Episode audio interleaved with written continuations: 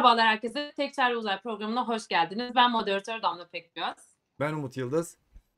Bugün de uzaydan düşen bilgiler hakkında kısa ama etkili bir sohbet için tekrar beraberiz. Bugün konuğumuz Mustafa Gündoğan hocamız. Kendisiyle uzaydaki kuantum fiziği ile ilgili ve deneylerle ilgili konuşacağız. Kendisi bu konunun altına ayrıca çizecek bu arada konuşulacak şey. Çünkü bugün kuantum fiziği değil, aslında yapılan deneylerle ilgili bilgiler vereceğiz. Böyle sık sık sorular soracağız. Chatten de bununla ilgili sorular bekliyorum. Siz de videoyu izledikten sonra eğer konuyla ilgili sorularınız varsa lütfen videonun altına yorum olarak yazın. Ve konuyu beğeniyorsanız bizi takip etmek isterseniz de her cumartesi 21'de canlı yayınımıza ama diğer türlü videolarımızı takip etmek isterseniz de YouTube'daki abone ol butonundan bize abone olarak yayınlarımızı takip edebilirsiniz. Ee, çok teşekkür ediyorum. Bu arada öncelikle Mustafa Hocama e, hoş geldiniz diyorum. Umut Hocam siz de hoş geldiniz. Ben de geçen hafta yoktum. Ben de hoş geldim. Böyle hoş geldin. Hep, hep beraber hoş geldik. Aynen. Hocam şöyle başlayalım o zaman. Ya şimdi biliyorsunuz kuantum konusu böyle çok suistimal edilen bir konu. Hani biliyorsunuz işte kuantum yaşam koşulundan tutun kuantum diyetine kadar kuantum zayıflamadan tutun ee, böyle kuantum aşk, kuantum başarı gibi böyle her aklına gelecek her türlü şeylerde kullanılan bir dolandırıcılık metodu haline gelmiş durumda. Yani aslında ne alakası var kardeşim diyeceğimiz bir durum. Ve sanırım biraz bunlardan da bahsedelim diye giriyor girmek istiyorum. Yani bir kuantum nedir? Ee, onunla gireriz. Ama e, bugün konuşacağımız konu aslında kuantumun tam olarak ne olduğu değil. E, biraz giriş yaparız elbette ki ama uzayda kuantum ne işe yapıyor? Uzayda kuantum nasıl kullanabiliyoruz? Ve aynı zamanda işte kuantum haberleşme nedir? İşte belki ay, ay, ay, aydaki gelecekte kurulacak üsle e, nasıl bir haberleşme yapabiliriz? Kuantum dolanıklık, ışınlanma böyle her türlü e, ilginç ilginç konuları konuşacağımız bir program olsun istiyorum. Evet, e, yavaş yavaş başlayalım o zaman. Kısaca. Nerede bir dolandırıcı kullanacağı kelimeler var, hepsi burada. Uzay, ay, Harika. dolanıklık, falan. bütün bütün hype kelimeleri kullanalım ki e, dinleyiciler gelsinler falan. o zaman kısaca, kısaca bir sizi tanıyalım. Öyle başlayalım. Ee, tamam ben Mustafa Gündoğan. Şu anda Berlin Humboldt Üniversitesi'nde doktora sonrası araştırmacıyım. Ee, şimdi bütün şeceremi hani saymak da pek gerek yok belki ama e, Türkiye Ankara'da Bilkent Üniversitesi'nde fizik okudum. E, ondan sonra İstanbul'da e, Koç Üniversitesi'nde yüksek lisansımı yaptıktan sonra Barcelona'ya gittim doktoraya. E, orada e, katı hal e, sistemlerle yani özel bir tip kristalle kuantum optik deneyleri yaptık. Yani konu ilginç olduğu için hani bahsetmek istiyorum. E, bir ışık palsını, bir ışık küçük bir sinyali e, kristalin içinde durdurup sonra geri almak üzerineydi hani e, bizim yaptığımız deneyler. Hani bu tip deneyleri çok uzun süredir yapıyorlar. Hani ışık durdurma ilk defa bizim yaptığımız bir şey değil. Yani yaklaşık e, 20 yıllık bir geçmişi var bu deneylerin. Fakat bizim yaptığımız deneylerde yani benim tezimde e, ki e, çalışma arkadaşlarımdan Kutlu Kutluer de Twitter'cılar için mesela evet, onu da takip edebilirler. E, bizim yaptığımız deneylerde bu ışık e, pulslarını hani atımlarını tek foton, tek ışık parçacığı seviyesinde bunu e, yaptık.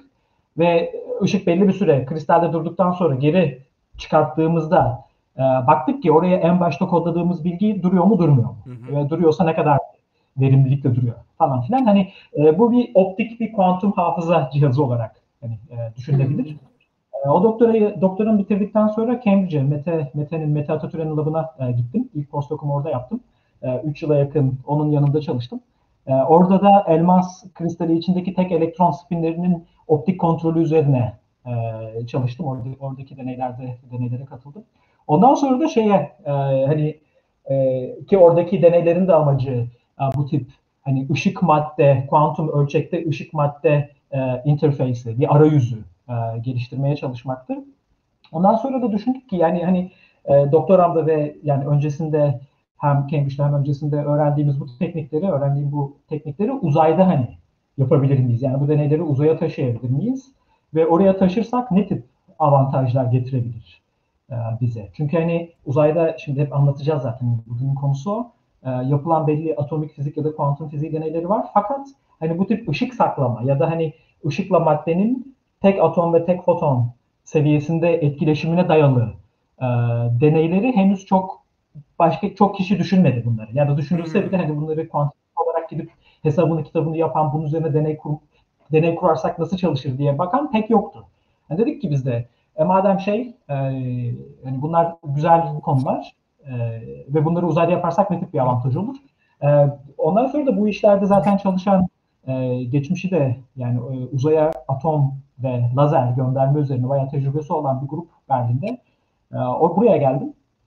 E, burayla güzel birkaç e, proje yazdık. Hem Alman Uzay Ajansı'ndan hem Almanya'nın TÜBİTAK diyebileceğim kurumdan hem de e, Avrupa Birliği bu kişisel burslardan yani oralara da hani yani kabul ettirebildik. Yani böyle gidiyor şimdilik. E, öyle diyeyim.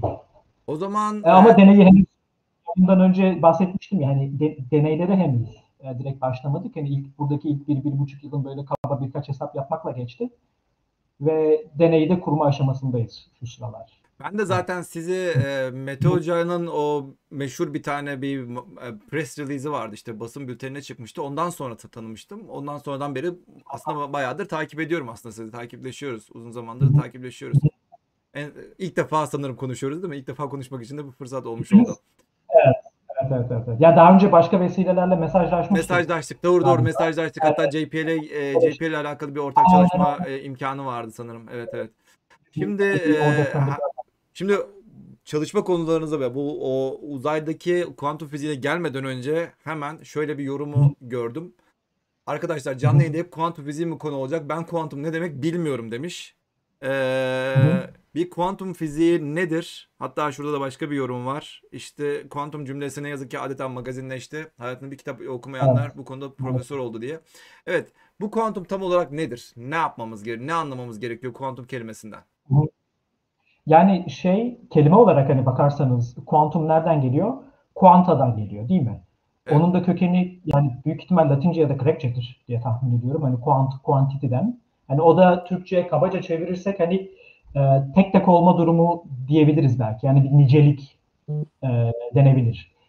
Kuantum da şöyle hani tarihine de çok hani, e, gireceksek ki o konuda da birazcık birazdan reklam yapacağım. Bizim podcast'i dinleyebilirsiniz arkadaşlar. Kuantum Capturt. Evet. E. Orada bunların hani detayını orada çok anlatıyoruz. Yani tarihini bunlar ne demek falan filan.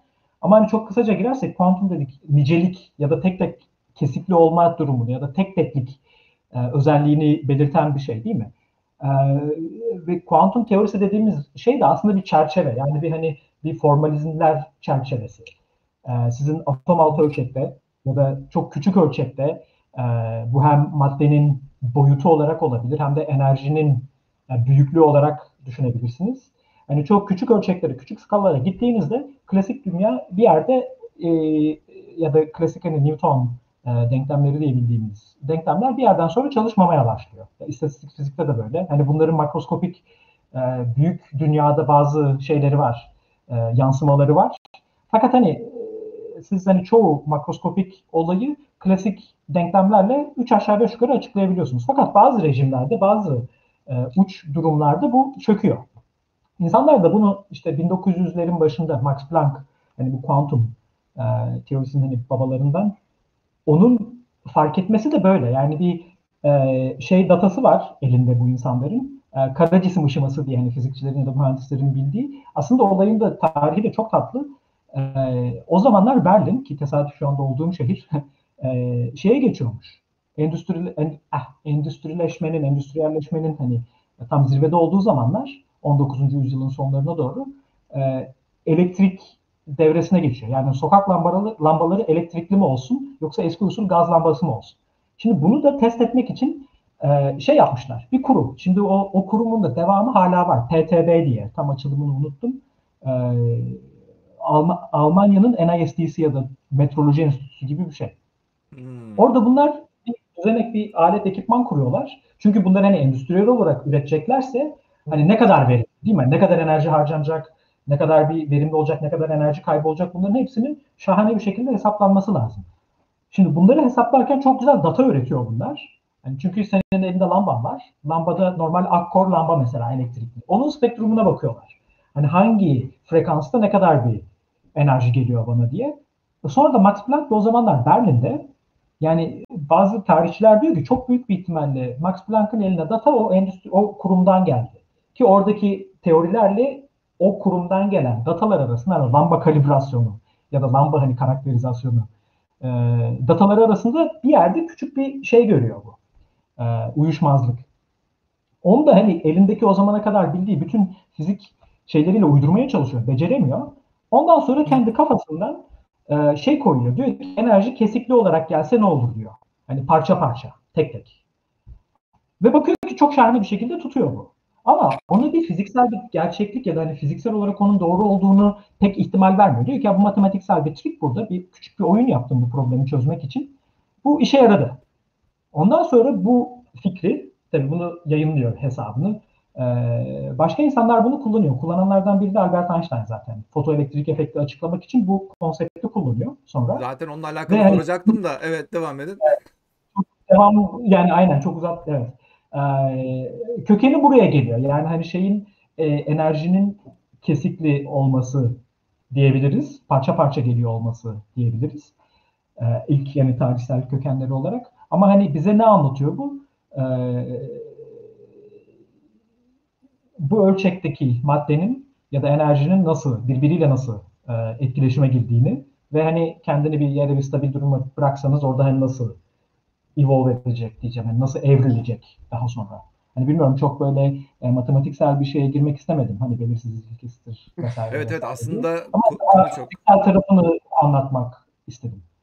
O Ve zaman bu etkileri zaman- ama daha devamı gelecek galiba. Evet süperpozisyondur falan daha da e, bahsederiz sonrasında. O zaman aslında Einstein'dan da bahsettiniz işte fotoelektrik etkiden bahsettiniz de işte neyse fotoelektrik etkin ne demek olduğunun e, başka bir başka bir programda zaten tartışır Aynen. tartışırız da. Şimdi e, hep şöyle bir dedikodu vardır. İşte Einstein dedikodu ve gerçek bir nevi.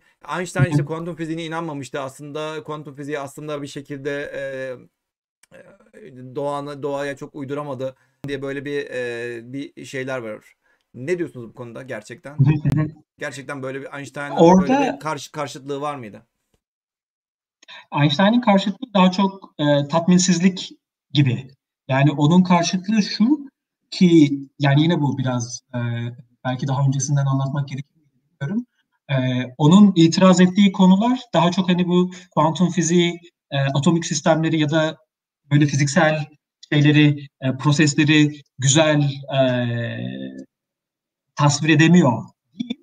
Onun arkasındaki nasıl e, yani daha doğrusu kuantum fiziğinin temelindeki bu dalga fonksiyonu denen şeyin anlamı üzerine bazı tatminsizlikleri vardı. Yoksa hani kuantum fiziğinin matematiksel olarak tutarlı bir teori olup olmaması ya da işte kuantum fiziğinin kristalleri ya da molekülleri nasıl açıklıyor orayla bir problemi yok çok. Onun zaten hani birazdan e, geleceğiz hani dolanıklık nedir diye ki aslında hani bu soruyla belki girebiliriz yavaş yavaş. E, ki dolanıklık denen hani entanglement bakacak olanlar için pardon. E, o da Einstein ve Schrödinger'in bu tip itirazlarından sonra ortaya çıkan bir e, çıkan bir şey ki yani dolanıklık adını da zaten Schrödinger koyuyor. O da şu, şimdi kuantum mekaniği denklemlerine göre yani bu e, denklemlerine ve o zamana kadar e, propagandası yapılan demek istemiyorum da hani kabul edilen Hı. Bohr, Niels Bohr'un hani önünü çektiği e, anlayışa, o yoruma göre kuantum fiziği şöyle bir şeye izin veriyor. Yani sizin elinizde bir tane kuantum parçacık olsun, bir elektron spin mesela. Bu elektron spini işte bir vektör olarak düşünün. Kalem yukarı mı aşağı mı?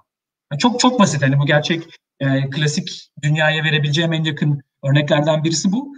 Ama siz mesela bunu önce süperpozisyon dediğimiz hani yine bu lineer cebirden aslında bir terim. Bir durumda hazırlayın. Yani bu demek ki bu aynı anda hem yukarı hem aşağı durumda olabiliyor. Değil mi? O süperpozisyon dediğimiz şey bu. Hani bir parçacığın ya da iki e, yani birden fazla kuantum durumun aynı anda e, bir parçacık tarafından ya da bir sistem tarafından sahip olunabilmesi durumu gibi düşünebilirsiniz. Şimdi bunu böyle bir süperpozisyon durumunda hazırladıysanız bu demek ki siz bunu ölçüm yapana kadar bilmiyorsunuz. Bu yukarıda mı aşağıda mı?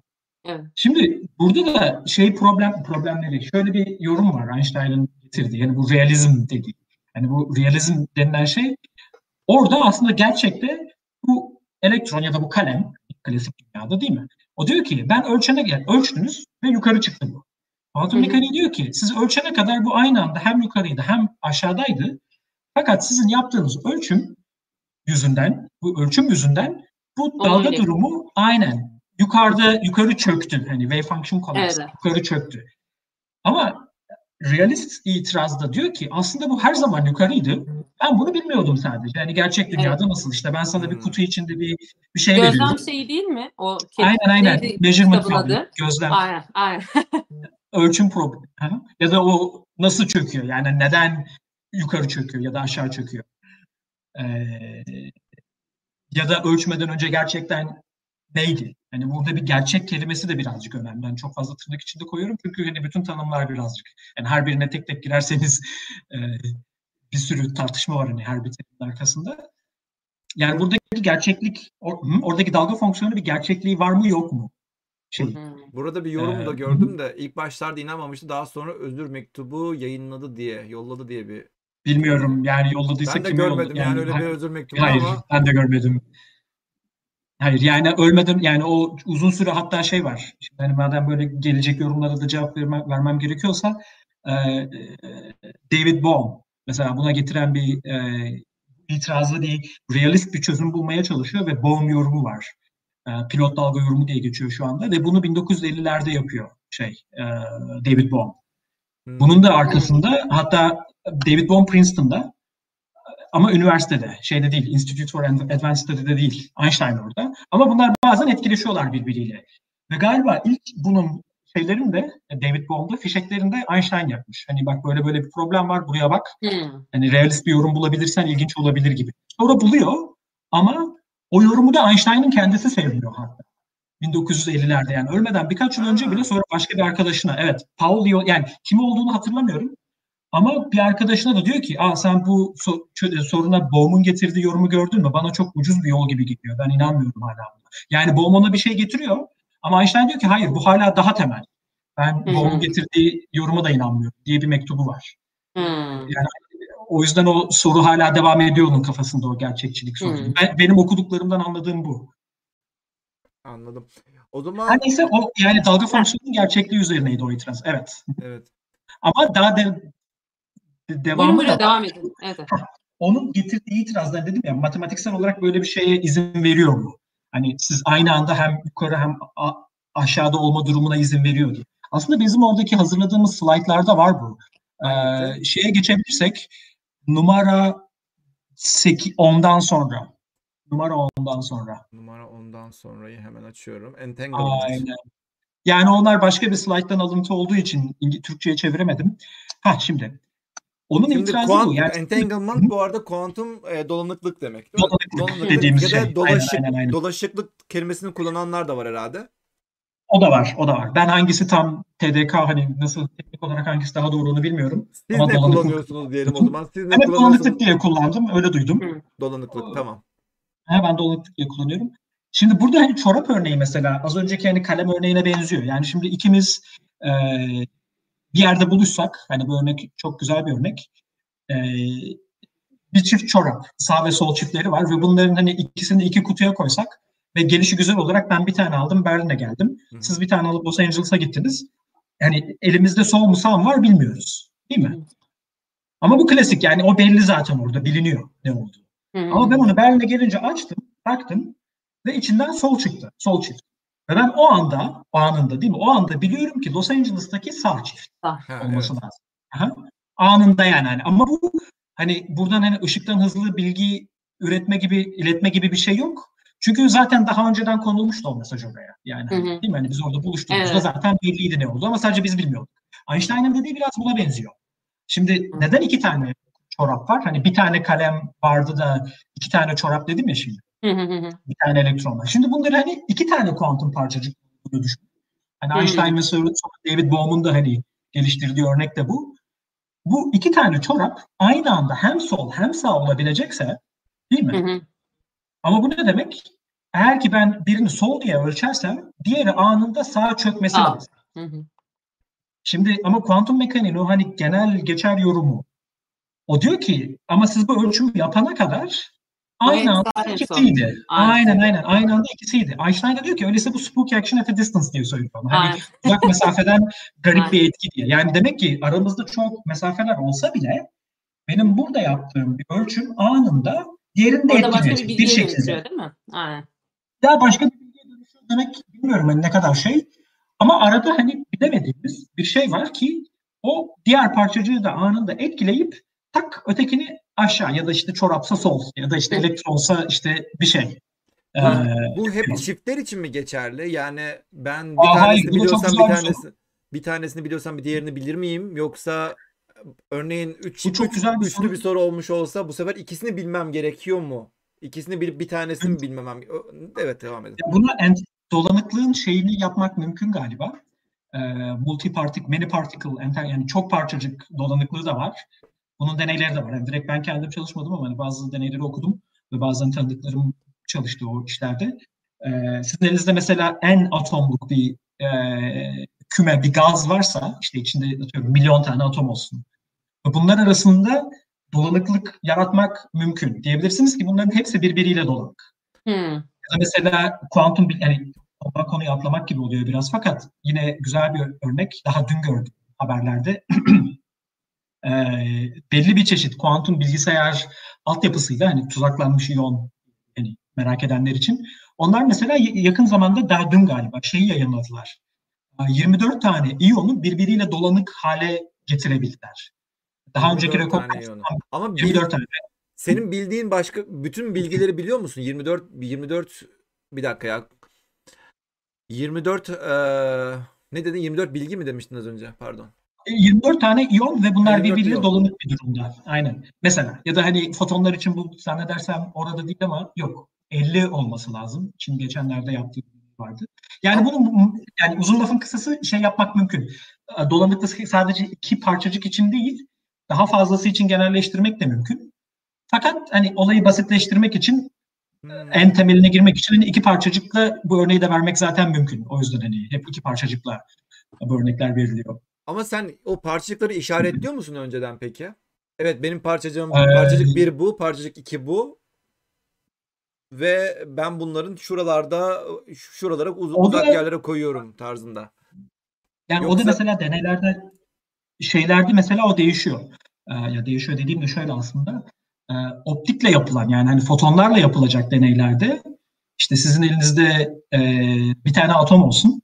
Bu atom e, iki tane foton veriyor size. Ona belli bir şey yaparsınız. Ama başka şey işaretlenmiş oluyor. foton mu bunlar? Yani siz o İşte bu fotonları işaretlenmişliği yani şöyle işaretlenmiş dediği belki tam anlamadım. Ne demek tam yani işaretlenmiş? e, bildiğiniz fotonlar mı yoksa sıradan bir herhangi bir foton mu bu? Yani Aa, aa, Yani- şimdi anladım pardon. E, bildiğiniz, bil- yani bildiğiniz. Ya deney yapmanız için hani o fotonların o deneyden geldiğini biliyor olmanız lazım. onu biliyorsunuz yani işaretlediniz Ha, yani. O aynen aynen sizin- aynen aynen. Yani hani ben biliyorum ki oradan ben biliyorum ki atomdan bana bir foton gelecek. Mesela o atom iki tane foton gönderecek. Bir tanesi bana gelecek, bir tanesi sana gidecek. Hmm. Oraya gidecek.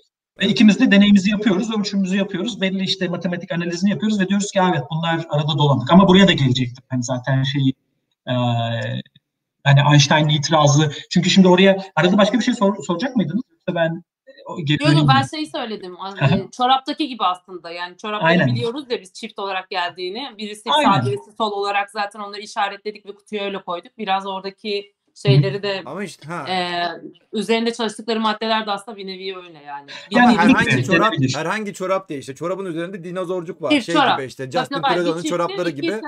e, dinozorcuk var. İkisinde de dinozorcuk var örneğin. Onu ikisinde de görüyorsunuz ve diyorsunuz ki bu bunun eşi. Kesinlikle bunun eşi olduğunu eminim diyorsunuz. Yani aynen o, Evet evet. o, o, o çoraplar o deney için hazırlandığı belli yani. Ha, Hani onu demek tamam, istiyorsak. tamam.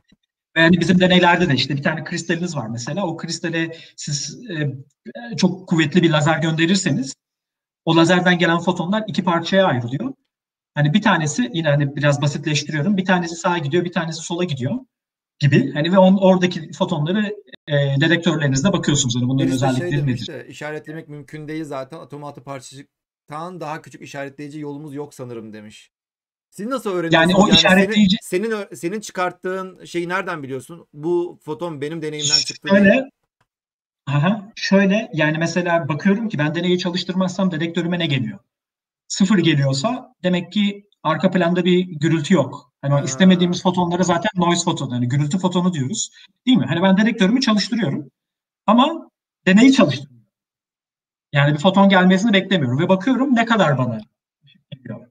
Atıyorum saniyede 50 tane. Ve diyorum ki bu saniyede 50 tane benim arka plan gürültü seviyem. Ondan sonra ben deneyi çalıştırıyorum ve bir anda bakıyorum ki saniyede atıyorum milyona çıkıyor ya da bine çıkıyor. Her neyse. Ve diyorum ki ya tamam bu fotonlar şimdi benim deneyimden geliyor. Çünkü hepsini ben deneyimi güzel bir şekilde kurdum, baktım. Hani optik e, rota nasıl gidiyor, kristalden nereye geliyor, ben dedektörümü nereye koydum. E, onu biliyorum ki o fotonlar deneyden geliyor. E, böyle diyebiliriz. Yani şeyde de şimdi ama bunu deneysel olarak nasıl göstereceksiniz? Hani oradaki problem bu. Yani e, e, bu çorap örneğine döneceksek, şimdi hani elimizde iki tane çorap var. Aynen bu. bir tanesi e, sol, bir tanesi sağ. Ama bu gerçekte de mesela şeyi düşünürseniz hani Schrödinger'in o kedi muhabbeti var yani. Evet, İşte evet. kedi aynı anda öldü mü, Öldü mü canlı? mı? ölümü canlı mı? Yani gerçekte böyle bir kedi yok ve klasik dünyada da gerçekte bir şey yok. Hani bir çorap aynı anda hem sol hem sağ değil. Bunu biliyoruz. Ama hani farz edelim ki hani bizim bu deney için velev ki öyle. Hani biz kutuyu açana kadar bir çorap gerçekten hem sol hem sağ. Ama bunu hani nasıl e, öyle olduğunu göstereceğiz. Değil mi? Çünkü açtığım anda Yani. sol görüyorum. Yani. Ama görmeden zaten bilemiyorum. Hani biraz da totolojiye giriyor. Hani totoloji oluyor. Yani görmem lazım. Heisenberg şeyi değil mi bu Şimdi- zaten bir nevi gör, görmeyle alakalı. Geçen de Yani o da ama burada Hı hı. geçen de çok güzel bir e, örnek vardı. Geçen de değilsem aylar öncesinde tabii. Bir tane Amazon ormanlarında bir bir yere bir Hı. böyle bir kabileye mi ne artık e, Covid e, Covid de yakalandıklarını fark etmişler. Yani Covid Covid oraya da gelmiş. Hı. Şimdi şöyle bir olay. Eğer oraya hiçbir gözlemci gitmemiş olsaydı belki o Covid gitmeyecekti. Covid'in var olup olmadığını bilmeyecektik. Ama e, gözlemci gittiği için büyük ihtimalle de Covid'li bir gözlemci gittiği için artık orada bir Covid olup olmadığını da biliyoruz. Orayı disturb ediyor, aynen. Orayı disturb etmiş oluyor. Yani gözlemcinin e, gözlemci orayı Aynen. Rolü var. Evet. rol, rol yapmış oldu evet. Aynen, aynen. Şimdi o yüzden bunu hani siz deneysel olarak ayırt edemiyorsunuz. Einstein'ın yani o zamanki düşünceye göre. Hani aynı anda hem yukarıda mı hem aşağıda mı ya da hem sol mu hem sağ mı açman lazım. Açmadan önceki hali nasıl bitecek?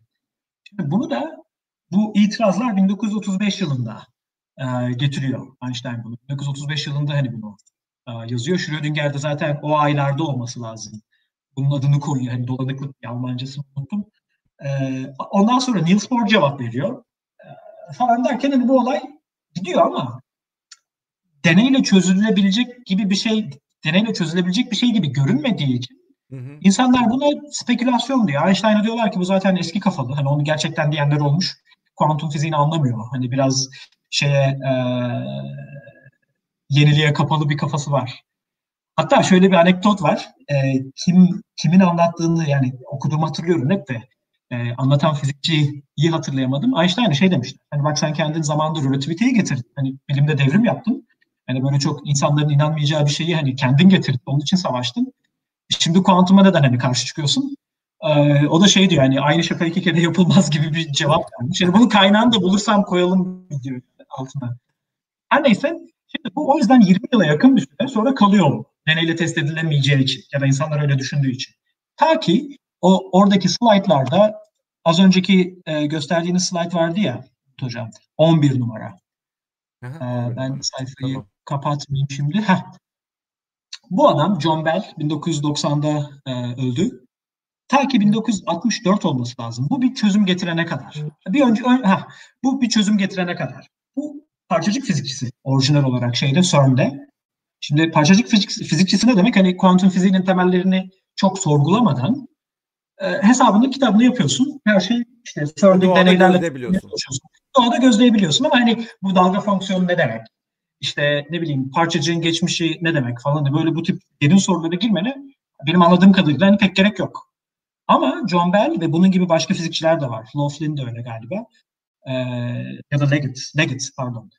Her neyse bunlar ama şey diyor hani gündüzleri kuantum fiziğini kullanarak kendi işini gücünü hesabını kitabını yapıyor fakat geceleri de şeyi düşünüyoruz diyor. Bu tip fizikçiler. Hani bu ne demek? Yani ben bunu yapıyorum ama Evet, hani Einstein öyle. bile buna itiraz etti. "Ha, Kafama yatmıyor yani bu ne demek diye ekstra hobi olarak hani e, hani insanların böyle hani pet project mi diyorlar hani yanında toy projektleri olur. Yani bunların toy project projesi de bunlar gibi düşünebilirsin. E, her neyse onun üzerine uğraşıyor, düşünüyor, kafa yoruyor ve bir çözüm getirebiliyor. Bunun deneyle test edilebilirliğine yönelik. O da e, şu biraz daha yine e, birkaç dakika daha anlatmam gerekecek. O grafiğe geleceğim birazdan. Şimdi az önce şey dedik ya e, mesela bir elektronu yukarı aşağı falan. Şimdi burada ben şeye geçmek istiyorum. E, daha kolay anlatmak için. E, ışık ve güneş gözlüğü. Polarize güneş gözlüğü. Mesela bu çok güzel bir örnek. Şimdi sizin polarize güneş gözlüğünüz varsa bu belli bir polarizasyonu geçiriyor. Mesela dik olsun.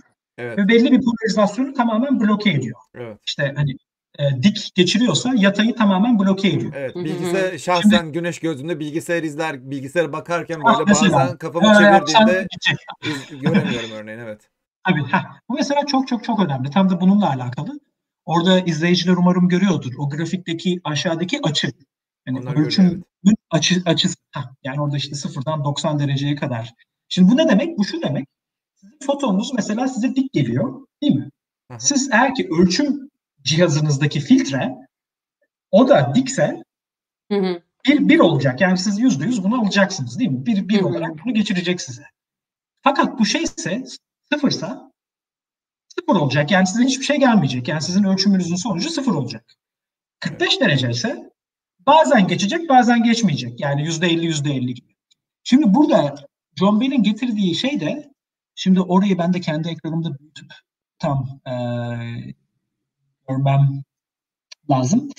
Belli açılarda şimdi siz bunu klasik dünyada yapacaksanız böyle bir deneyi hani işte e, dedektörlerinizin önündeki filtrelerinizin açısını da ayarlayarak belli açılarda görüyorsunuz. Mesela bu aradaki e, boyalı kısım var ya eksi Hı hı. 2 ile artı 2 arasında. Evet. Onu alırsanız o demek ki aslında bu deneyi siz bu sonucu klasik bir sistemle de alabilirsiniz. Ha. Yani kuantum olmasına gerek yok. Yani hani siz onu değiştirdiniz ama bu yine çok karışık. Hani iki tane hani A ve B işte iki parçacık var. İkisi de içinde farklı farklı ölçüm yapıyorsunuz filan. Ee, belli filtre açılarında. Fakat bu diyor ki belli açılarda belli hani oradaki görüyorsunuz ya bu sin- bir sinüs değil mi? Bir eğri bu. Evet. Dalgalı bir eğri. Evet. Ama o görüyorsunuz bazı alanlarda o boyalı kısmın dışına çıkıyor. Orada ve aşağıda. Violation'lar. Aynen aynen aynen aynen. Orada ve aşağıda. O demek ki siz deney yaparken filtrenizi o belli açılarda ki deney belli açılarda yaptığınız ölçümlerden sonra hani datayı proses ediyorsunuz ve bulduğunuz sonuç orayı geçiyorsa diyorsunuz diyor, diyor ki bu hani bu gerçekten şey arada böyle bir kuantum bağlantı var bu klasik olamaz. Hmm. O hani 30 yıl hani kalan e, 1935'ten sonra işte bu 64 yılında olması lazım ya da 65. Hani 30 yıllık bunun deneyini nasıl yapacağız? Kısmının şeyi bu ölçümün filtrelerinin açılarına göre deney sonucu nasıl olacak? Bunu şey yapmak. E, bunu hesaba katıyor. Çünkü daha önce herkes hani siz belli hani 0-90 hani e, da yaparsanız e, klasik dünyayı alıyorsunuz tekrar. Ama ara açılar size şeyi veriyor. E, kuantum fiziğindeki o gariplikleri verebiliyor. Hani yine teknik bir parantez açacağım. Bu en çok girmek istemiyorum. Fakat yani fizik öğrencileri ya da çok teknik olarak meraklı olanlar mesela şeyden başlayabilir okumaya. Stern-Gerlach deneylerinden. Ki orada da hani elektronun manyetik alan yönüne göre e, elektron spininin nasıl project edildiği ile alakalı şeydir, konudur. Hani o burayla doğrudan alakalı. Bu teknik komenti kapatıyorum burada, teknik yorumu. E, her neyse ve bu 1965 yılında diyor ki abi evet yani biz bunu deneysel olarak görmek aslında mümkün. Ee, sonra bunu 70'lerde e, birkaç kişi biraz daha hani deneyle daha Hmm. deneye daha yakın bir hale getiriyorlar. O CH, CHSH olması lazım. Ee, eşitsizliği haline geliyor. O dört kişinin baş harfi. Ee, her neyse ondan sonra bunun deneylerini yapıyorlar. İlk deneyleri yapanlar da Ha mesela bu pardon e, çorap örneği. Şimdi bu deneylere gelmeden önce bu çok tatlı bir örnek. Ee, oradaki kişilerden e, adı tam nasıl telaffuz ediliyor Ha, bilmiyorum ama. Bertelmann. Aynen aynen Bertelmann. Heh, o da şeyde çalışan bir fizik. Çorap deyince gerçekten çorabı göstererek. Aynen aynen John Bell'in bu konuda yazdığı hani makale var. Şey Bertelmann'ın çorapları ve gerçekliğin doğası diye. Çünkü bu Bertelmann Bu çok ilginç. Bunun neresi komik ki? Benim kızım her zaman böyle giyiniyor ki. Hemen, hemen, hemen şimdi? nedir diye sor. Genelde aynı renk giyinmiyor bizimki. O da demek ki bir, bir çeşit deney yapıyor olabilir çocuk yani şimdi Vay vay vay yeteneği vay. keşfedelim hızlıca. Yani ama burada aslında Bertelmann'ın dediği hani bunlar aynı yerde çalışıyorlar. Zannedersen Bertelmann da CERN'de çalışan bir parçacık. Ee, o da diyor ki yani kendi biraz daha böyle protest karakterli hani çok yine yanlış hatırlamıyorsam okuduğum yerlerden Ee, hani çok böyle gidip büyük politik radikal olacak kadar cesaretim yoktu. Fakat bu da benim küçük sisteme karşı küçük protesto oldu diyor. Hani farklı çorap giymek. Ve bunu da hiç konuşulmamış, edilmemiş. Hani düşünüyor ki kimse bunu fark etmiyor ama sonra bakıyor ki John Bell bunun üzerine makale yazmış. Ki yine hani bahsettiğimiz mantık. Yani Bertelsmann eğer bir gün pembe çorap giyiyor, yani bir gün değil pardon. Sol ayağında pembe çorap varsa kesinlikle biliyorsunuz ki sağdaki şey değil. Başka renk. Pembe değil ve başka gibi. Hani onu diyor ki işte dolanıklığın klasik versiyonu falan filan gibi o güzel bir örnek olarak onu da hani e, seviyorum. Ve böyle yani ve bununla hani bu deneyler neden önemli? E, bunu da mesela 13 numaralı slayta da gelebiliriz. E, ve ben Biz zaten geliyoruz öyle. Evet geldik. Aynen. Bu da mesela o deneylerin tipik hani çok jenerik bir gösterim. Ee, ortada bir tane sizin ama yani fotonlarla yapılan şeyinde. Ee, ortada bir tane kaynağınız var sizin. Hı hı. Hangi deneydi İki diye soru var. gelmiş de hangi deneydi? Abi bu dolanıklık deneyleri bu jenerik bir şey ama şey olması lazım. Alan Aspen'in yaptığı 1980'lerdeki deneyin genel bir fotoğrafı. Fakat bu hani çok jenerik bir e, çizim. Aynen. Bell deneyi test. diye bir deney. İşte Bell test. Bell teste giriyorsunuz demek ki. Images var mı bununla alakalı? Yani Wikipedia'da bile çok güzel anlatıyor. Bell deneyine giriyorsunuz arkadaşlar. Kuantum Merak edenler merak etme, ediyorsanız. Hı. Evet. Yani o çok da gösterdik bir şey az önce anlattığım gibi aslında. Hani bak ortada bir tane kaynağınız var sizin ve o iki tane foton gönderiyor. Ve o A ve B dediği kareler, dikdörtgenler ya da e, o cihazlar onlar sizin filtreniz. Eksi bir ya da artı bir cevabı veriyor size sadece. Yaptı. Ya da sıfır ya da bir dedim ben az önce ama hani artı bir ya da eksi bir diye de diyebilirsiniz. Ve bu ölçümlerin sonuçları nedir diye orta bir tane prosesörde onları birleştiriyorsunuz. Ve hani bakıyorsunuz hani e, şey conditional yani probability'ye bakıyorsunuz. Yani ben bunu buradan sağdakinden bir geldi soldaki ne olacak? E, ya da falan diye ve farklı e, bu dedektörlerin açıları dedik ya fil- filtre açısı. Oradaki açılara göre bu deneyi tekrarlıyorsunuz. Ve çıkan sonuçları topluyorsunuz. Yani artı bir mi çıktı, eksi bir mi çıktı falan filan. Ve hani az önceki gösterdiğimiz eşitsizlik vardı ya. Evet. Artı iki ile eksi iki. Onun dışına bir sonuç buluyorsanız o artı bir, eksi birlerin hani deney sonuçlarının e, en sonunda e, diyorsunuz ki ya tamam bunlar gerçekten bir dolanık, kuantum dolanık bir Hmm. durumda geliyormuş. Ve bunu işte 1972 o galiba ilk yaptıkları deney, yani teknik olarak yapılan ilk deney, e, Clauser diye fizikçi Berkeley'de o yapıyor fakat o deneyde birkaç problem vardı. Varmış. Ya, tabii ki ben e, vardı deyince hani sanki gittim de deneyi izledim gibi. E, o deneydeki birkaç o deneyde birkaç tane e, problem e, vardı. Onlardan da en büyüğü şu o e, hani buradaki en önemli komponent e, dedektörlerin önündeki filtrelerin açıları dedik ya hep. O açıları bu deneyi yapmadan önce kendisi koyuyor. Diyor ki şimdi birisi 0 olsun, öteki 45 olsun. Deneyi yapıyor, data topluyor. Sonra diyor ki şimdi biri 45 olsun, öteki 22 olsun falan. hı. Ama bunun, bundaki önemli olaylardan birisi hani bu deneyi tamamen anlamlı olarak yap, anlamlı bir şekilde yapmak için gerekli olan şeylerden bir tanesi bu eee, ölçüm filtresinin açılarını sizin fotonlar gelirken havadayken hani kaynaktan çıktılar Hı hı. ama onlar daha havadayken karar vermeniz lazım. Çok hızlı bir şekilde. Yani çünkü biri diyebilir ki hani yine bu biraz hani e, bilim kurgu gibi fakat hani tüm olay bu bir, bir yerde de diyebilir ki "Be- belki belki hani bizim bilmediğimiz bir teori var. Bu teoriye göre oradaki atomla dedektör birbirini tanıyor daha önceden ve bunlar anlaştılar. Hmm. Tamam yani bize bu sonuç çıkacak diye anlaştılar ve burada aslında dolanıklık yok. Onlar belki bizi kandırıyor sadece. O yüzden senin yapman gereken fotonlar Yoldayken. havadayken, yoldayken onu ayarlamak gibi. Ya da işte dedektörlerin çok çok çok verimli olması lazım falan. Hani bunlara böyle loophole, açık, deneydeki açıklar diyorlardı. Bunları tek tek tek tek tek tek kapattılar. Bu açıklardan birkaç tane vardı. İşte mesela dedektörleriniz sizin çok verimli değilse, yüzde bir verimliyse, bu demek ki size 100 tane foton geliyorsa bir tanesi e, kaydedebiliyorsunuz. Ama belki yüzde Kayıt mı ediyorsun, 99'u kayıp mı ediyorsun? Kayıt mı, kayıp mı? kayıt, kayıt dedim. Kayıt ediyorsun ha. Bir tanesini Ha, kaydedebiliyorsun. yüzde 100 bir- fotondan aynen, bir bir tanesini.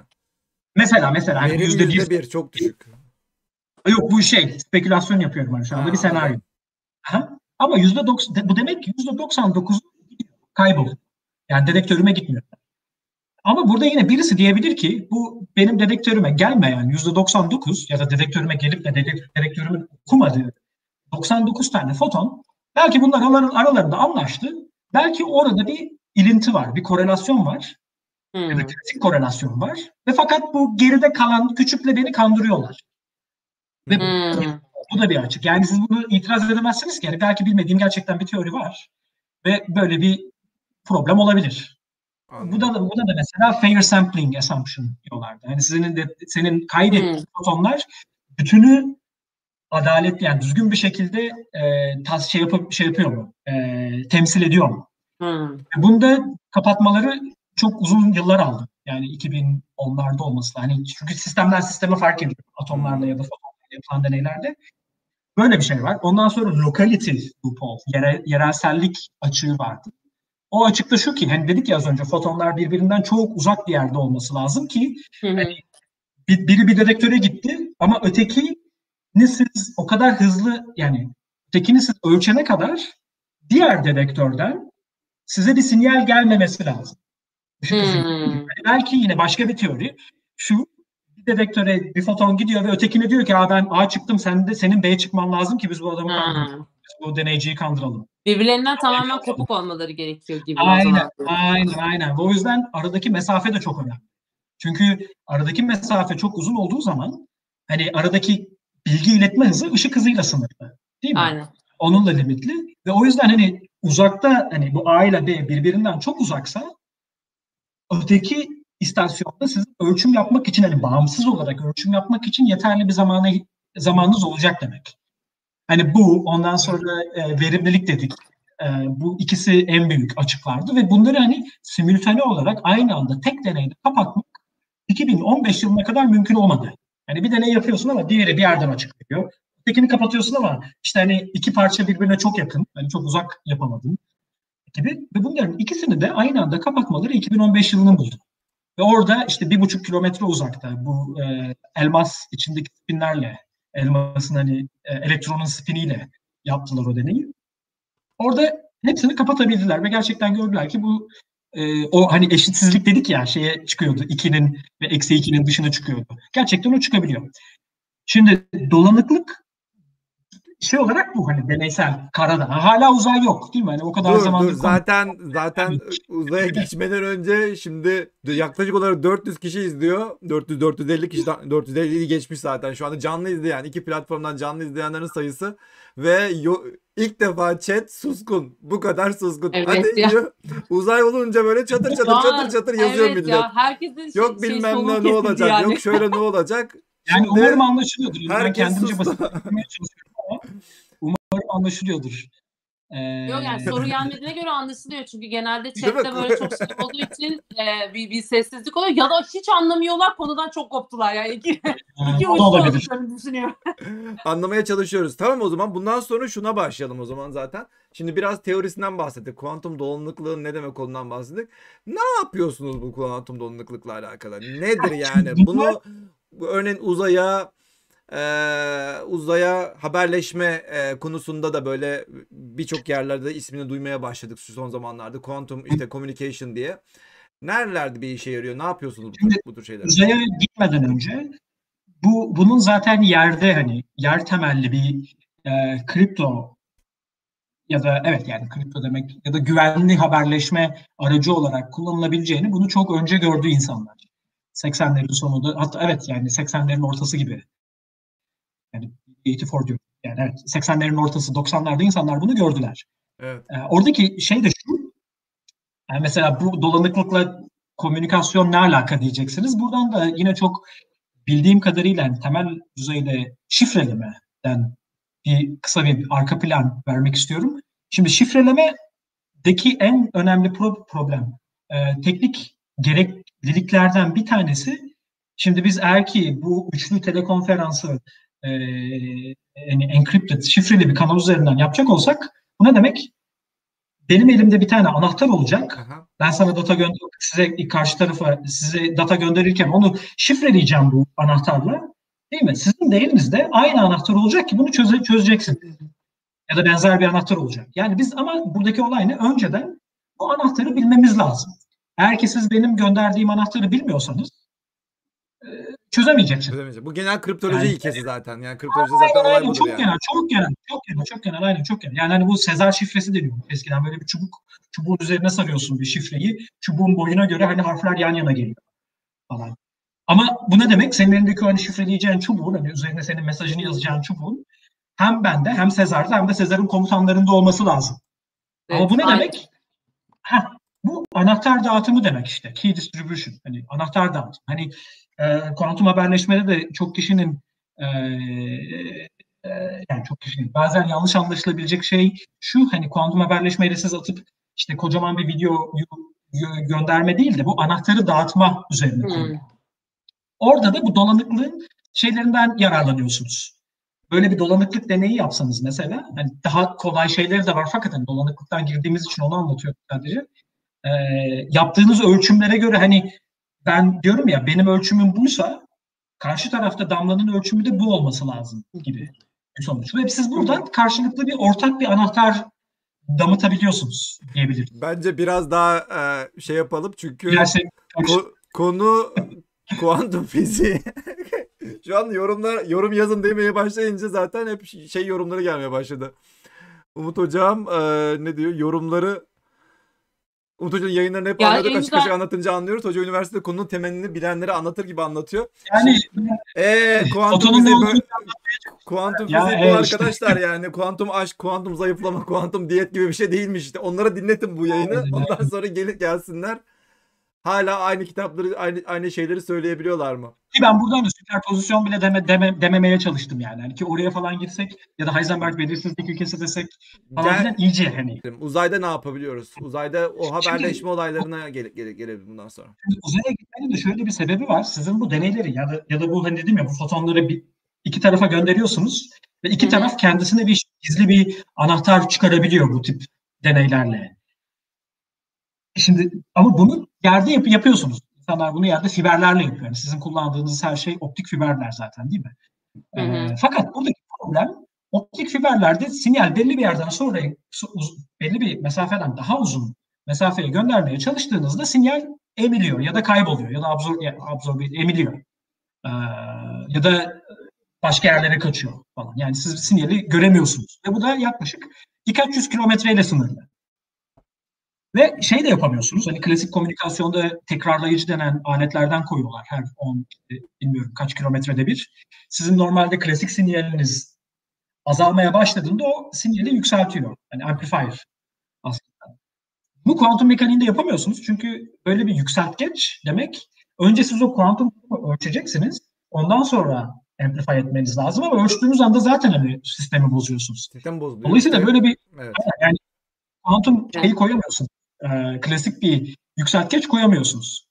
Fiberlerde e, kayıp var. Dolayısıyla siz çakıldınız kaldınız. İşte 100 kilometreye mesela.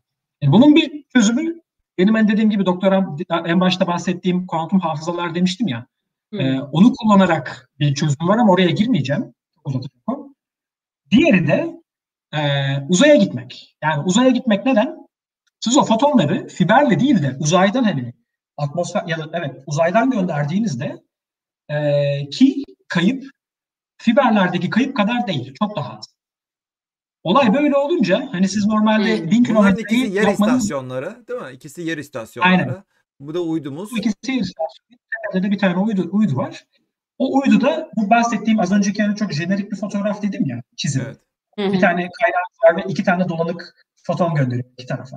İki tanesini de alıyor küçük teleskoplarla yer istasyonlarına gönderiyor. Evet. Tabii hani uydu bu, e, Çin'in hani 2016'da gönderdiği bir uydu bu.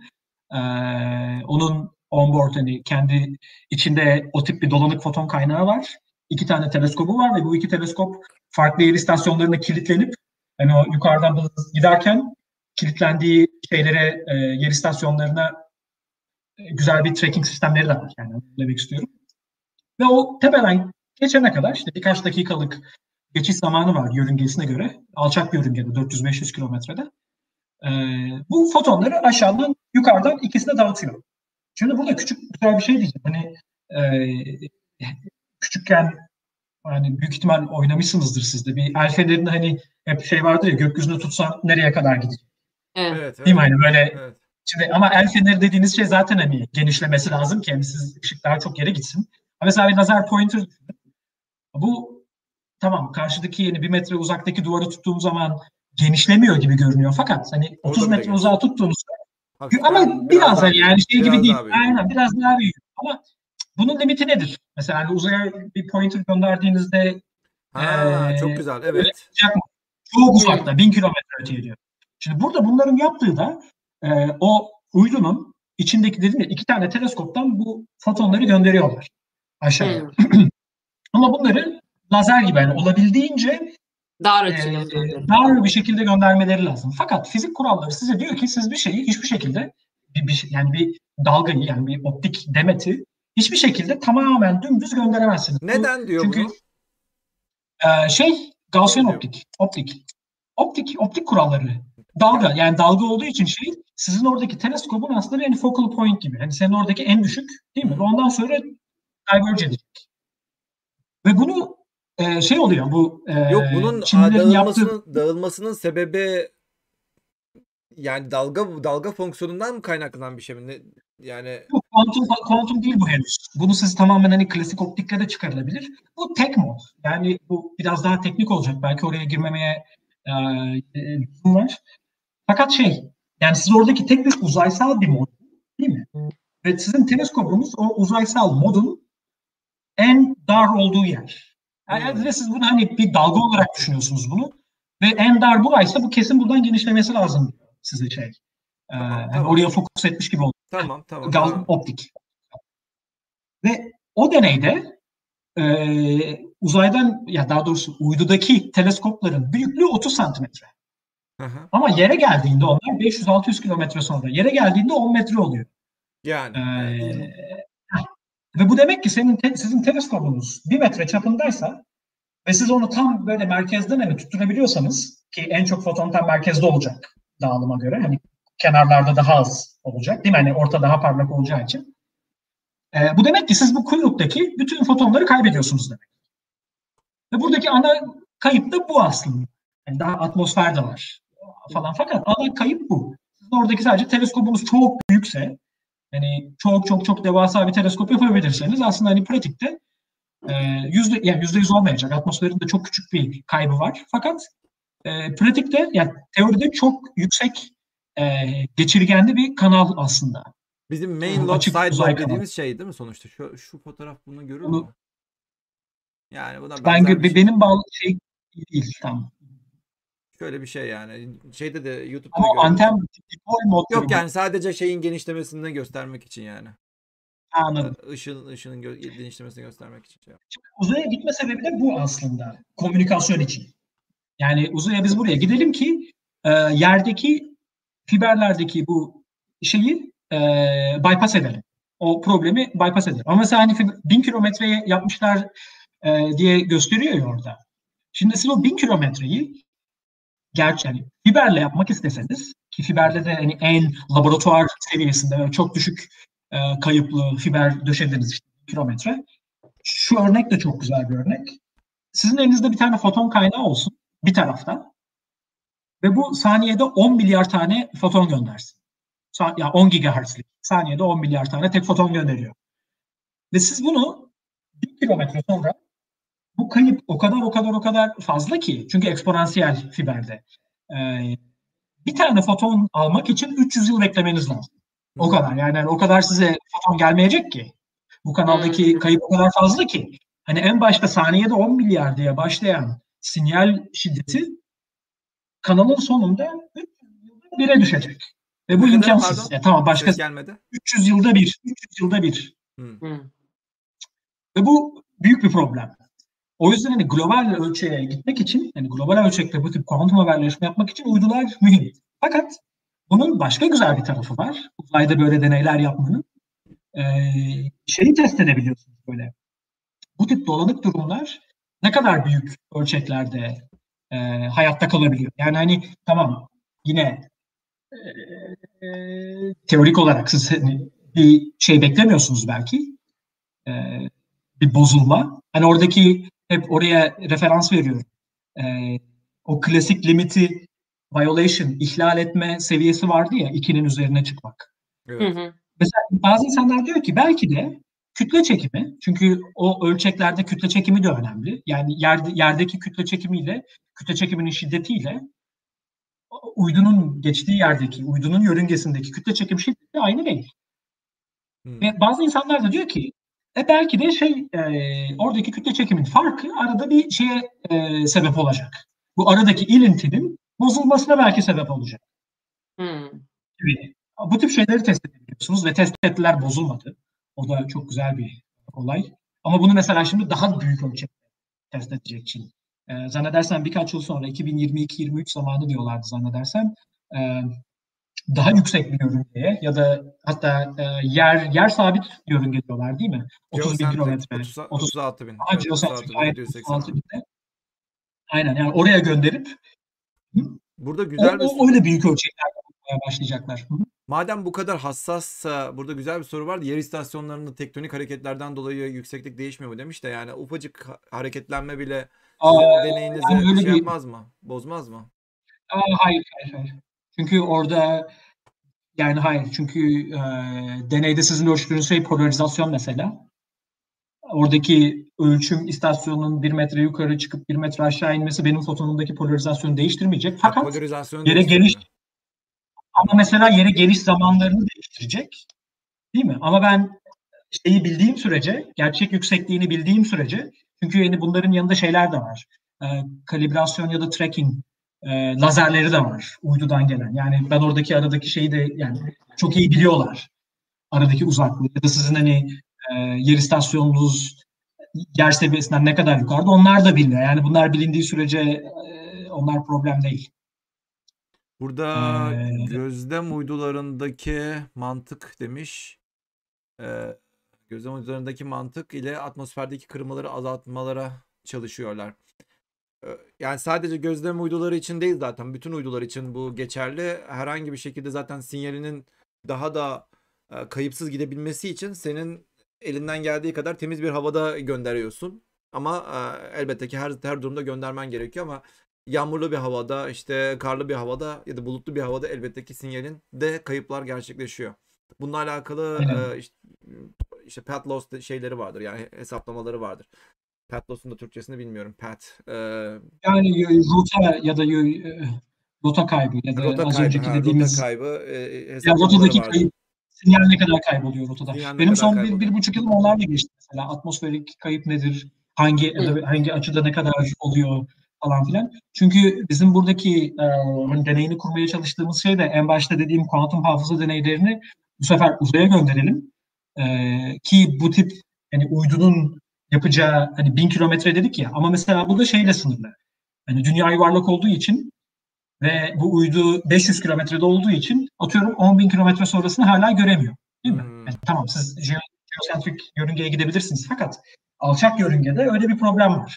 Ya dolayısıyla hani 10 bin kilometre, 20 bin kilometre gibi gerçek global e, mesafeleri birbirine bağlamak istiyorsanız birden fazla uyduya ihtiyacınız var.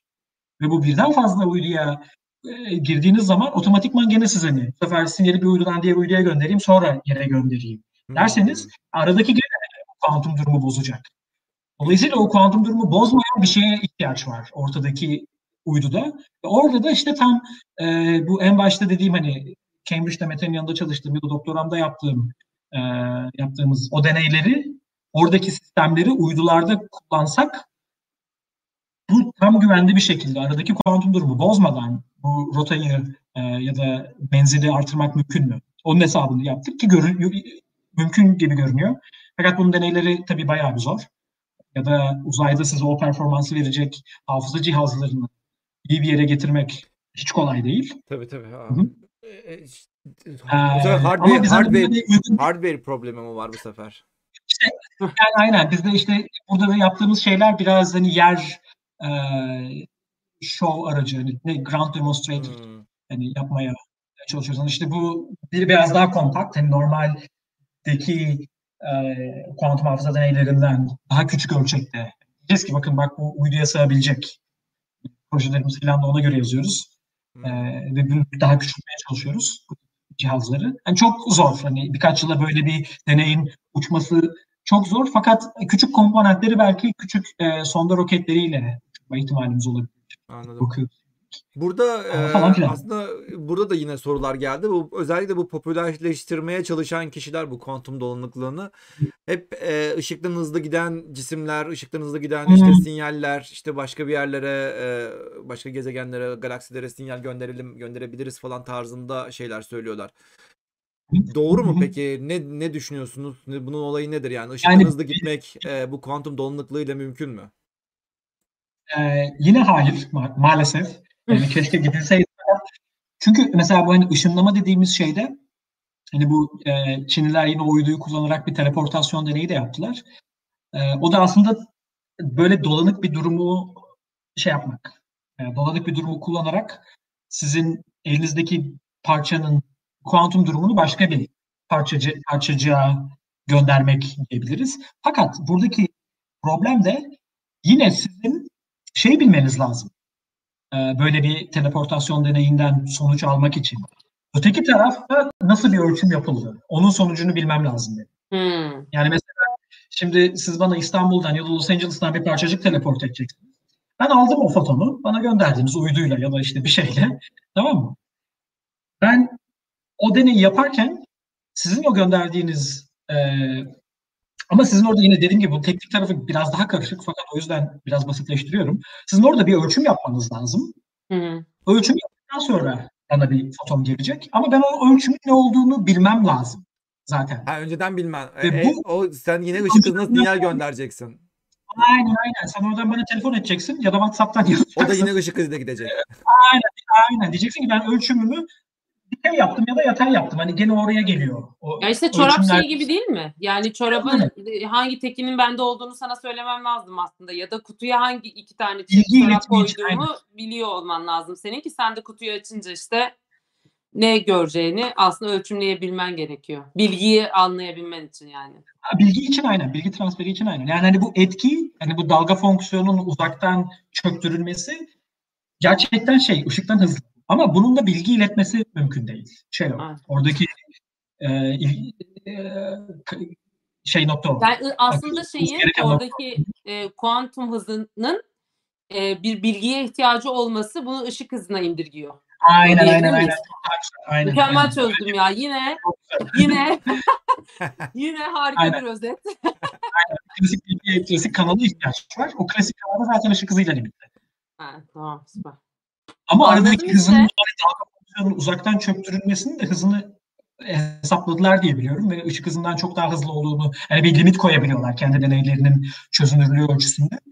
E, ve orada da gerçekten ondan daha hızlı olduğunu gördüler. Ama bir E, şekilde ben referansını ben bu bilgileri daha örneğin daha önceden vermiş olsam örneğin farklı bir e, far- yani örneğin Jüpiter'e de bir başka bir istasyon kurdum ve oradaki oraya o bilgiyi verdim. Şimdi de erkenden verdim. Yani e, şu anda şey biraz e, soruyu nasıl soracağımı bilmiyorum. Ya o bilgiyi önceden vermiş isem bu şey oluyor mu? Yani bu o zaman İşte puan bilgi- ama o bilgiyi sen önceden biliyorsan zaten demek ki bir ölçüm yaptın ki biliyorsun demek. Bir yerde de. Hmm. Yani Öyle değil mi? Yani sen bir şeyi ölçtün ki sana bir bilgi geldi zaten. Yani Doğru, doğru, Yoksa doğru. nasıl olacak? Yerde Bir ara vaktiyle bir de şeyler çıkıyordu sürekli böyle ışığı ışınlandırdılar falan tarzındaki. Sanırım e, Çinlilerin O bu zaten bir yoksa yerde. e, Yani o Kim- teleportasyon yani ışınlama deneyleri Işınlama çok yapıldı. deneyleri. Aha, yani hem daha önce laboratuvar düzeyinde yapıldı bunlar. Yani daha çok bir fotonun kuantum durumunu başka bir fotonun üzerine hani ışınlama ya da telenakil de deniyor. O da güzel bir kelime. Ee, hani nakletme, uzaktan nakletme yapıldı laboratuvarda ama hani Çinliler bunu o bin, yani 500-600 kilometre şeyine çıkarttılar. Yani uzay ve yer arasında yapabildiler. bu artık yapılabilen bir şeye dönüştü yani. Bu normal tabii tabii tabii. Yani bu, bu yapılıyor evet. ışığı ışınlandırma olayı Yani- gerçekten var şu anda. yerdeki laboratuvardaki kuantum hafızaların bir durumunu başka bir kuantum hafızaya da e, e, ışınlama. Yine fotonlar aracılığıyla tabii ki. Yani bir yerden çıkan e, yani iki, iki iki hafızadan çıkan fotonları siz hani bir şekilde birbiriyle konuşturuyorsunuz. Fakat e, maddeden maddeye de e, teleportasyon deneyleri yapılıyor çok uzun zamandır. Ama bu hani maddeyi bir yerden alıp hop öteki tarafa götürmek değil, maddenin kuantum durumu. Hani bir elektronun spini böyleyse ötekinin hani bu kuantum durumu öteki e, taşıyorsunuz. Burada bir yorum da var zaten de e, ışınlama sayılmaz aslında karıştırılan kısım hızlı gerçekleşmesi. Dolanıklığa sokulan iki fotondan birine verilen pozisyonun karşıdaki fotonda da gözlenerek coding decoding olayı demiş.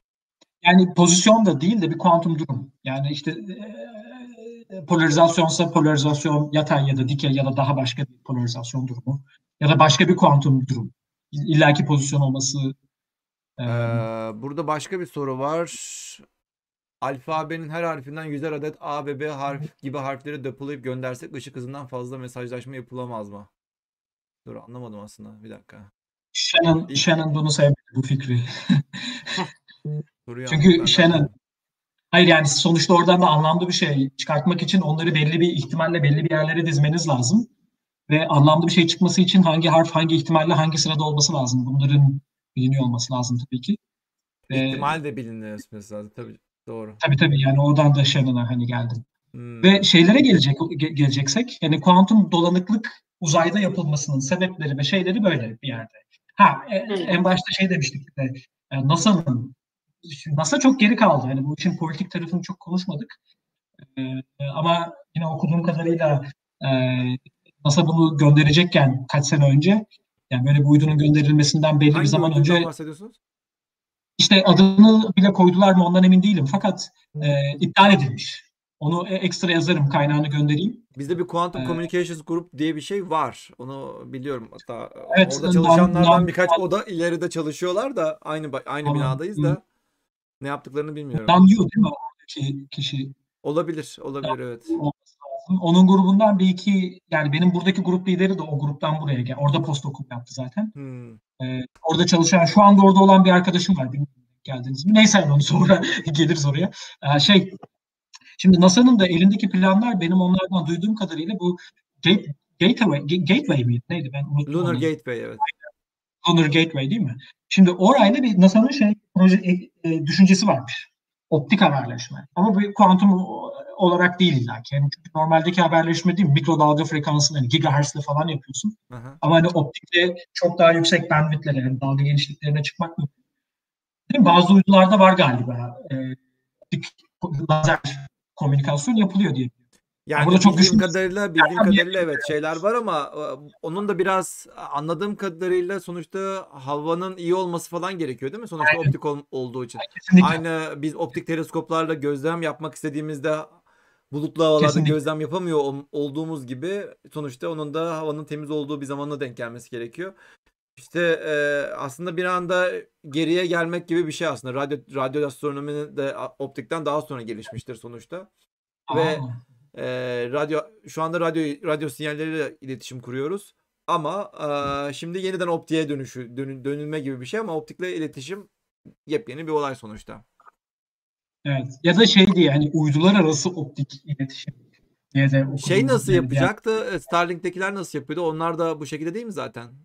Şu anda Starlink değil herhalde. Şu anda değil herhalde. Şu anda bu Starlink şekilde değil. optik değil ama galiba. Şu anda evet. değil yani. Şu anda değil. Büyük ihtimalle ileride yaparlar belki de şu anda değil doğru. Doğru doğru. Çünkü binlerce şey yani hepsinin tracking'i falan bana çok zor geliyor.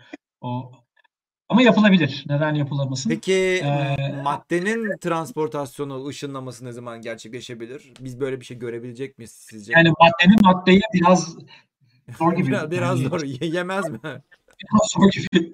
ya hayır şey var. Yani şöyle düşünün. Peki pardon elimizdeki- soruyu şöyle söyleyeyim. Ya peki bugünkü fiziğimiz yetiyor mu böyle bir şey? Maddenin mad- maddenin transportasyonuna. E- Elimizdeki Yani fiziği fizikle e, bir Elimdeki- şekilde yapabilir miyiz? elimdeki bardağı ışınlamak için buradaki bütün parçacıkların hepsinin bütün kuantum durumlarını okuyan ve bunları sonradan yeniden eee, Birleştiren. gönderecek yani bunları bir şekilde okuyacaksınız ve bu kuantum durumları belli bir yere teleport edeceksiniz. Ama burada zaten 10 üzeri kaç hani parçacık var ve bu her parçacığın kaç tane eee, hani degree of freedom dediğimiz şey var. Elektronun spini var mesela ama spinin aynı zamanda açısal momentumu da var. Hani siz bunların hepsini hiç hatasız Her bir Başka bir yere parçacığın olasılığı da var. Bu olasılıkların hepsini hesaba katıp bizim şu anda Ya olasılık derken kuantum durum demek daha mantıklı ya daha belki teknik olarak tutarlı. Hepsini hani tek tek bilip onları o göndermeniz lazım gibi bir şey geliyor ki bu da Bir yani dakika iki anlamaya çalışıyorum. Bir dakika, bir dakika, bir dakika, bir dakika, bir dakika anlamaya çalışıyorum. Ben şimdi e, ben şimdi buradaki işte dediğiniz gibi 10 üzeri bilmem kaç tane, kaç trilyon tane şey atomdan bahsediyoruz değil mi? Her bir atomun tek ta- bir tanesini çıkarttık değil mi? Yani böyle bir şey yapabileceksek bir tanesini çıkarttık. Çıkarttığımız atomun nesine ihtiyacımız var? Hangi bilgisine ihtiyacımız var? Konumuna bir. Ama sadece yani konum mesela ben elek- elektron için bakarsanız elektronun spini var, açısal momentumu var. Hangi orbitali değil mi? Hangi orbitalde duruyor? Böyle hani birkaç tane farklı parametresi var. Hani elektronun spini Bunlar sabit mi peki yoksa hepsi hala e, probabilis probabilistik yani şey mi? Aa, Ee, yani, yani sizin elinizdeki bir elektronun bunu ya da bunu bir hı. devam edin devam edin. yani mesela bir şey iyonlaşmadıysa değil mi? Siz 3 aşağı 5 yukarı onu tahmin ediyorsunuz zaten. Mesela elinizdeki bir kalemin ya da bir demirin ya da bir herhangi bir şeyin Ee, ama belki de bir üst excited state'e çıktı bir şekilde. Sebebini bilmiyorum. Ama oradaysa onu da bilip onu da ışınlamanız lazım. O yüzden hani hepsini tek tek belki kontrol et. Ya kontrol artık ne demekse. Burada da zaten Ee, bak Mustafa Hoca da aynı şeyi söylüyor zaten. Burada madde transport edilmiyor, bilgi ediliyor, gönderildiği yerden yeniden yapılıyor. Sonuçta ben bu bilgiyi üretiyorum aslında. Ben şu atomun buradaki konumunu işte dediğiniz o spinleri vesaire bütün bilgilerini ortaya çıkartıp artık bir data şey hazırlıyorum. O datayı da başka bir yere transfer ediyorum. Yani artık Ama e, şey de klasik bir aha, ama yine klasik bir şekilde göndermek de değil. Yani o çünkü bilgiyi bilgi oradan çok büyük diyorsun ondan dolayı. Yani şu anda dünyadaki en büyük bilgiden daha büyük bir şey. Google'un serverlarından daha çok büyük bir bilgidir herhalde bu. Öyle bir şey midir bilmiyorum tabii. Yani o da var. Ama yani yine yani teleportasyon dediğimiz şeyin klasik bir kanal üzerinden değil de bir kuantum girişim ile yapılan bir şey aslında. Yani şimdi az önce bahsetmediğim teknik diye bahsettiğim şey e, e, geçtiğim şey biraz oydu. Teleportasyonda aslında siz bir girişim deneyi yapıyorsunuz. İki parçacığı birbiriyle giriştiriyorsunuz. Hmm. Peki Ama o girişim yapan parçacıklardan bir tanesi başka bir parçacıkla dolanmak aslında. Yani o yüzden böyle bir deney yapmanız çok çok çok çok çok karışık. Çok. Yaptık diyelim tamam teknolojimiz var. İlerideyiz biz şu anda. Ben şu anda bunu yaptığım anda bunun parçalarını çıkarttım. Hepsinin bilgilerini elde ettim. Ben hepsinin bilgilerini elde ettim ve dediğiniz gibi neyse o oldu ve transfer ettim öteki tarafa.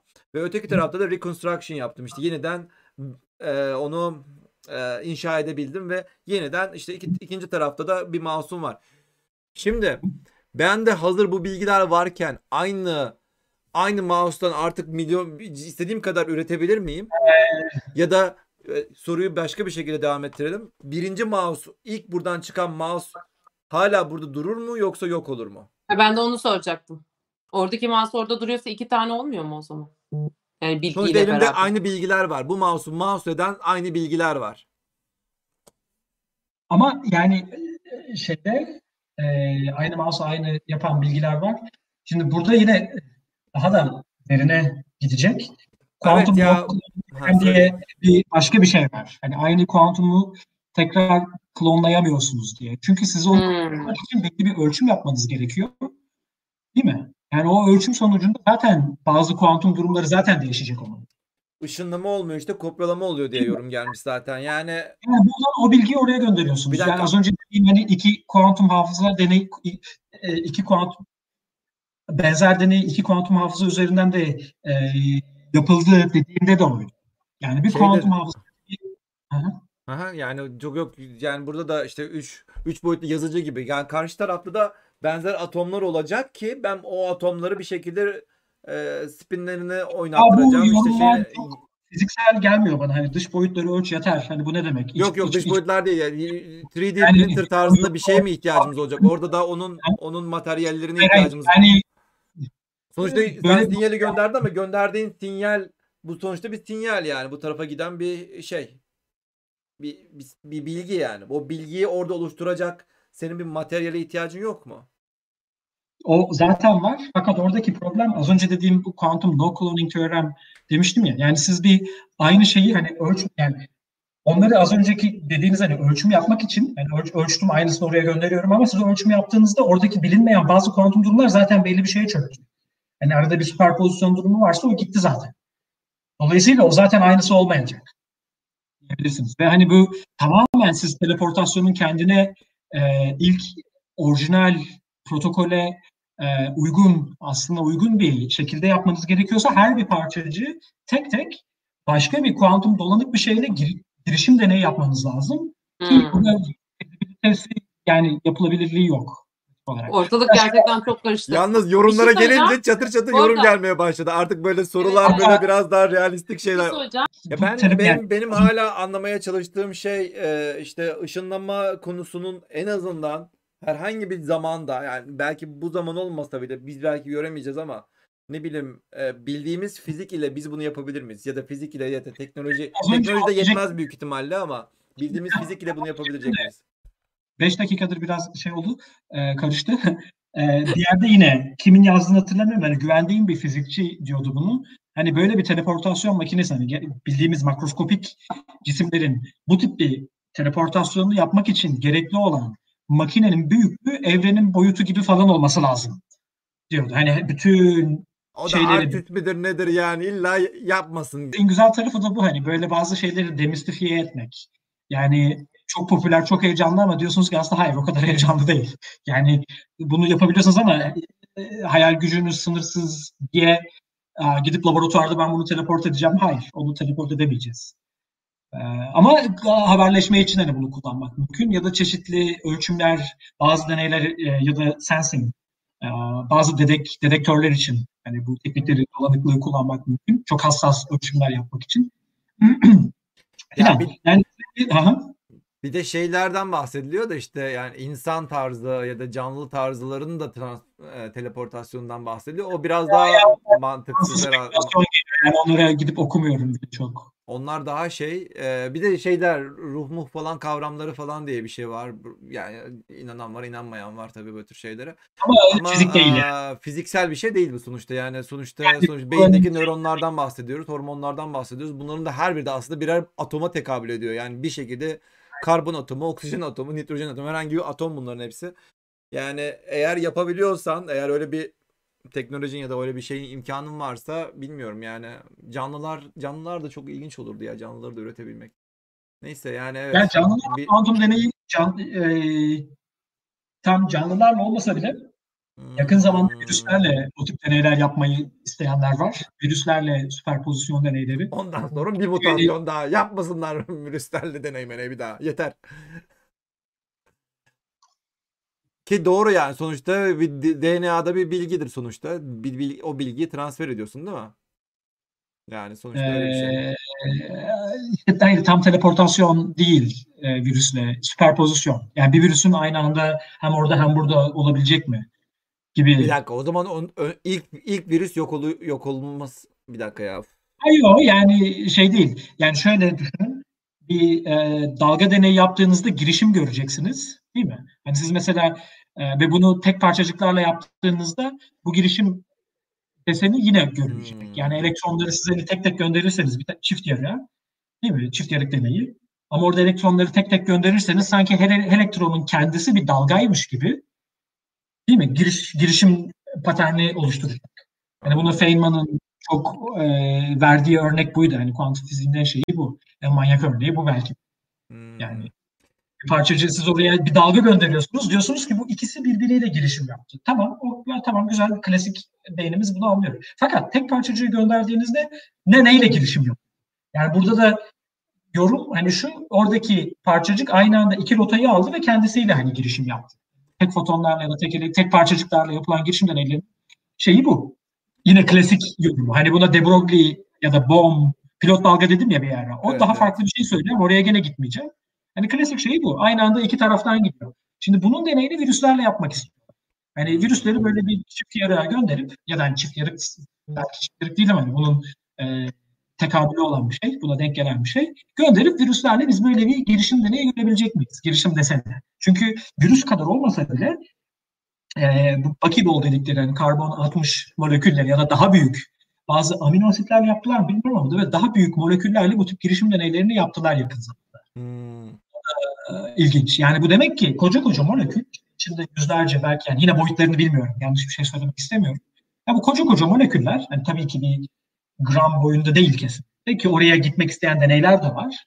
Hani böyle büyük aynaların ya da büyük makroskopik cisimlerin de süperpozisyonlarını göstermek isteyen deneyler de var. E, fakat hani az önce canlı deyince oradan aklıma geldi. Hani bunun böyle virüslerle bu tip çift yarık deneyi yapmak e, isteyenler var. Fakat çok zor. Teknik Ama olarak bugünkü çok zor. teknolojide bile yapmaya çalışanlar var. O zaman benim benim şahsen son sorum da şöyle olsun. Hani sonuçta bu uzay yolundaki e, Star Trek'teki işte Beam Up Scotty vardır. İşte ışınla beni Scotty şey. Yani o Oraya zaman- gelecek mi konu? O zaman bu işi yapanlar hangi kafayla yapmışlar? Yani o kadar zor ortamlardan bile yani bir dikkat ediyor. şey Yukarıdan söyleyeyim. ışın geliyor. Şak diye Evet. alıyor seni götürüyor yani. Nasıl bir kafadır? Nasıl bir Orada zaten teleportasyonun ilk e, yani teleportasyon diyorum çünkü İngilizcesi teleportation. O yüzden hani oraya geleceğim şimdi. E, o ilk yani bu teleportasyon fikrinin ilk öne sürüldüğü teori makalesinde yine yanlış hatırlamıyorsam onlar zaten bu popüler bilim kurguya referans veriyorlar. Hmm. Diyorlar ki popüler bilim kurgu da buna onun e, aklına gelmemiş şey olsa kimsenin gelmeyecek. Foundation diyorlar. Onu ben hatta hızlıca bakabilirim de. Ee, evet, Teleporting an Unknown Quantum State var. Ha? Her neyse yani o isim de e, şeydeki e, popüler kültürden ya da bilim kurgudaki teleportasyondan alıyor diye aklımda. Şeysiz. HTTP'yi silip, yanlış silip- hatırlamıyorum silip ya. de şey yapabilirsiniz. Chat'ten gönderirseniz ben hemen YouTube şeyden- buradan da gösterebilirim.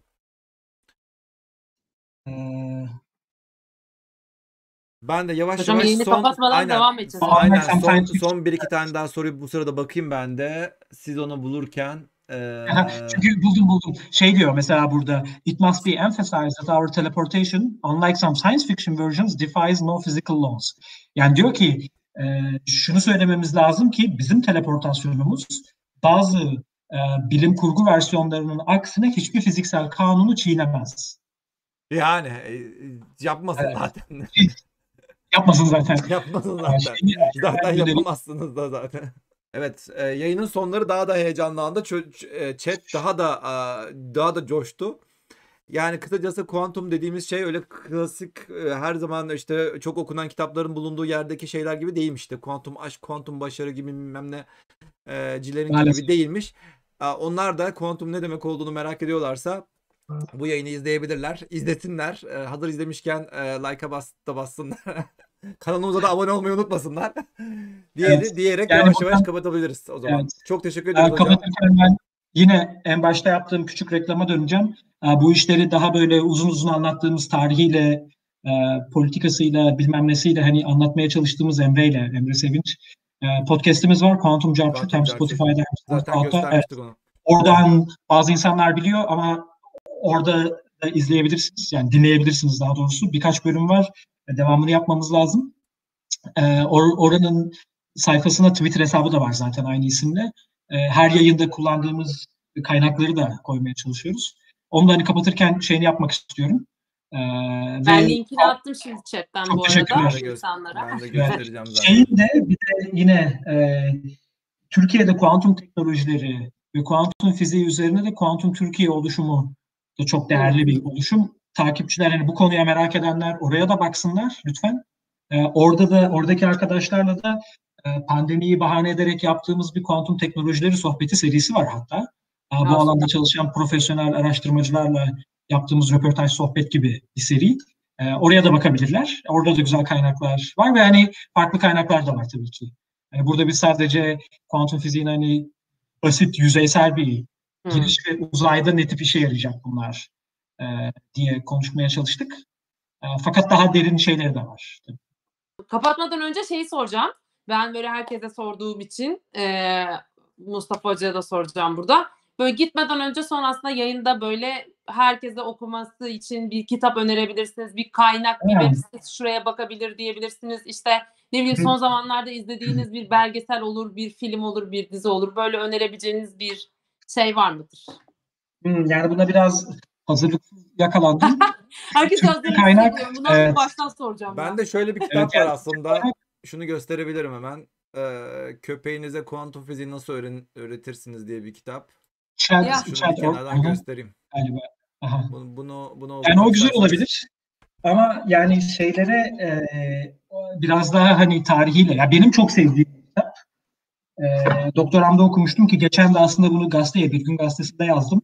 E, How the Hippies Saved.